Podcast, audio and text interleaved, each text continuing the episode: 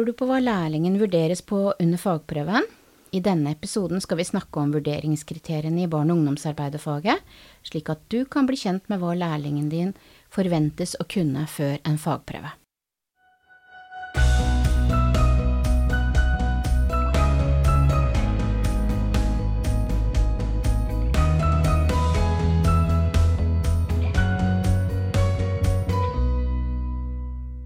Velkommen til denne episoden av Veilederbua. Vi som sitter i studio i dag, er Tove Hansen og meg, Heidi Bakken Rygnestad.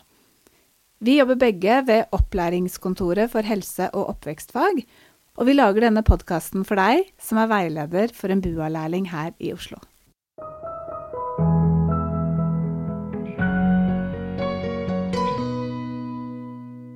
Vurderingskriterier, Tove. Hvem er det som har laget de for barne- og ungdomsarbeiderfaget?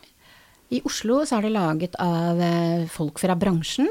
Hva er vurderingskriterier, da? Vurderingskriterier er kjennetegn på kompetanse eh, eller kvalitet.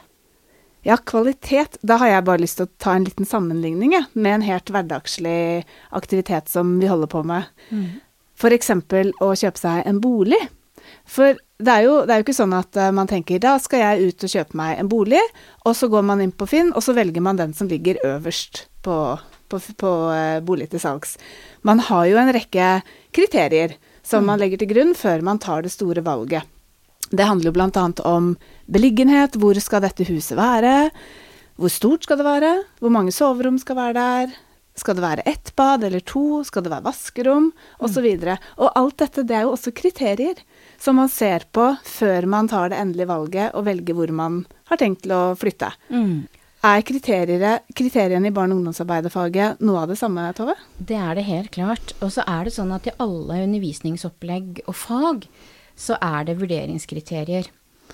Og vurderingskriteriene er på en måte da ved siden av kompetansemålene og er et viktig verktøy som eh, lærere, prøvenemndene, bruker for å se om læringsmålene er oppnådd.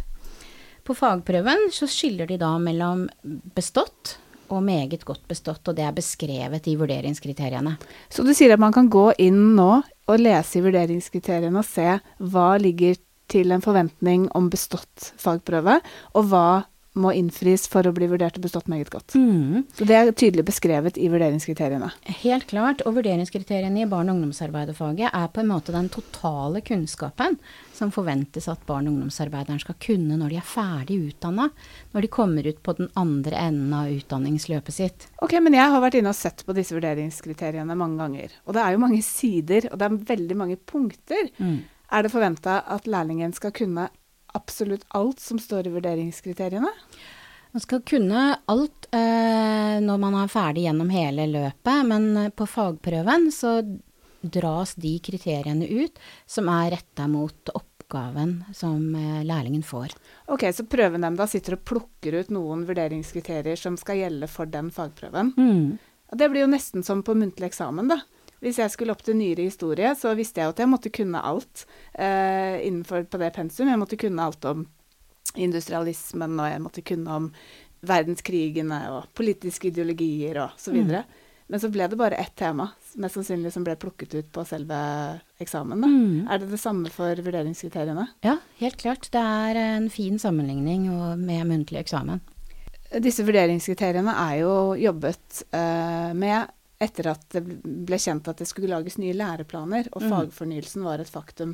Mm. Kan du si litt om hvordan det synes i vurderingskriteriene for barne- og ungdomsarbeiderfaget? Vi hadde eh, fagfornyelsen som et sånn bakteppe når vi jobba med det. Jeg sier vi fordi jeg har vært en del av den gruppa som har jobba med vurderingskriteriene. Og så valgte vi å dele det inn i seks områder, og det er det vi har gjort i Oslo. Vi har tenkt til å snakke oss igjennom disse ulike hovedområdene etterpå. Ja. Men hvordan er det det eh, ivaretar fagfornyelsen, tenker du? Praksisen som er per dags dato, er at man jobber kompetansemål for kompetansemål, og så har man vurderingskriterier for hvert enkelt kompetansemål. Men det ville dere vekk fra, i tråd med fagfornyelsen? Det ville vi, og derfor så, så laget vi seks hovedområder. De vi valgte var pedagogisk arbeid og yrkesutøvelsen, kommunikasjon, samhandling og HMS, og til sist, men veldig viktig, forebygging. Ja, så ved å organisere kriteriene etter disse hovedområdene, så har man jo en helhetlig tilnærming og mer tverrfaglig måte å jobbe med faget på, enn, og, og, som faktisk også ligner mer på den realiteten og praksisen som faktisk er når man jobber med barn og unge, enn at man jobber mål for mål nedover læreplanen. Mm. Men skal vi rett og slett starte, da? Hva ligger til de forskjellige hovedområdene? Hva skal lærlingen kunne noe om innenfor disse seks områdene? Du, vil du begynne med pedagogisk arbeid? Det sier at du skal kunne noe om barn og unges utvikling innenfor alle utviklingsområder. Og så skal du kunne klare å planlegge, gjennomføre og dokumentere eh, og evaluere det arbeidet du eh, har planlagt. Eh, og så skal du bruke medvirkning. Både når du arbeider med barn og unge, men også i forhold til alle typer brukere, som da eh, foresatte, f.eks. For Hovedområde to heter yrkesutøvelse, og det handler om selve utføringen av yrket som barne- og ungdomsarbeider. Og det innebærer bl.a. å ha kunnskap om lekens betydning, det handler om å kunne sette grenser på en god måte, og det handler om å kunne motivere gruppa man jobber med. Mm. Innunder der skal du ha kunnskap om din egen rolle, og så skal du kunne samarbeide. I tillegg ligger yrkesetikken under dette området. Og så kommer vi til et kjempeviktig område som jeg tenker er eh, kanskje noe av det mest vesentlige når du skal jobbe med mennesker, er jo å kunne kommunisere. Så hovedområdet heter Kommunikasjon. Yeah. Og det handler om at du skal ha kunnskap om kommunikasjon. Eh, og når du kommuniserer, så skal du på en måte kunne skape trygghet til den du eh, snakker med. Du skal kunne tilpasse språket ditt til den du snakker med. Om du snakker med barn eller voksne, så skal du kunne tilpasse språket ditt. Eh, og så må du kunne lytte og så må du være bevisst på kroppsspråket ditt. Men i tillegg til det, så skal du også kunne formidle et budskap og bruke anerkjennende kommunikasjon. Hovedområde fire syns jeg er ganske likt som hovedområde tre kommunikasjon. Mm. Det heter samhandlingskompetanse. Man må jo kommunisere også når man samhandler, men innunder samhandlingskompetanse ligger dette med relasjonsbygging. Og det er både relasjon til barn, men også det å bygge gode relasjoner mellom barn. Det handler om å forstå hvordan din egen væremåte påvirker omgivelsene, mm. og hvordan du skal veilede barn og unge i samhandlingssituasjoner og i konflikter. Mm. Og så kommer vi til et veldig konkret eh, område som heter HMS, helse, miljø og sikkerhet. Og det skal man jo også kunne noe om, og foreta vurderinger når du planlegger. HMS eh, handler om alt fra førstehjelp til ergonomi, og man skal kunne foreta risikovurderinger. Man skal kunne noe om brannvern og smittevern. Og det siste hovedområdet heter forebygging. Og her er det bl.a. omsorg som kommer fram.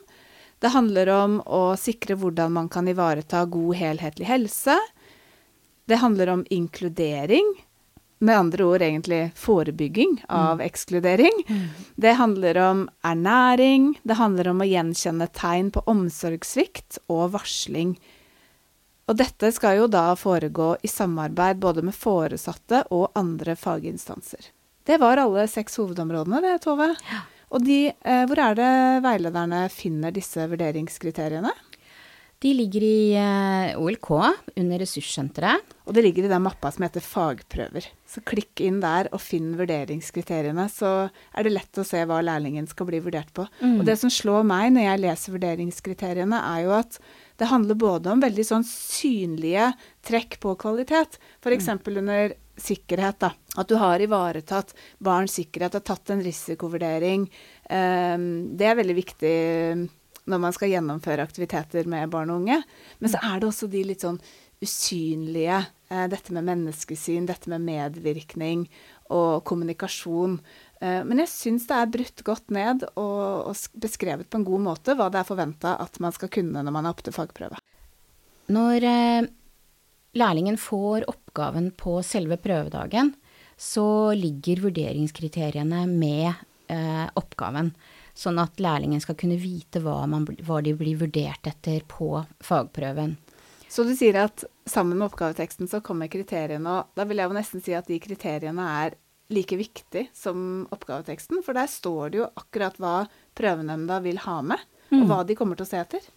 Så hvis vi da skal oppsummere denne episoden, så vil vi si at kriterier beskriver måloppnåelse. Og i vurderingskriteriene for fagprøven i barne- og ungdomsarbeiderfaget så kan man lett se hva som skiller mellom bestått og bestått meget godt. Og på fagprøven i Oslo er det seks ulike områder som prøvenemndene plukker aktuelle kriterier fra.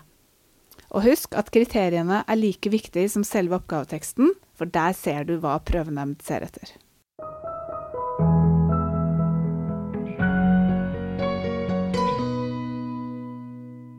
Har lyttet til Veilederbua. I studio i dag har du hørt Heidi Bakken Rygnestad og undertegnede Tove Hansen. Du finner støttemateriell til denne episoden i OLK. Har du spørsmål eller ideer til nye episoder, ta kontakt. Husk, vi lager denne podkasten for deg.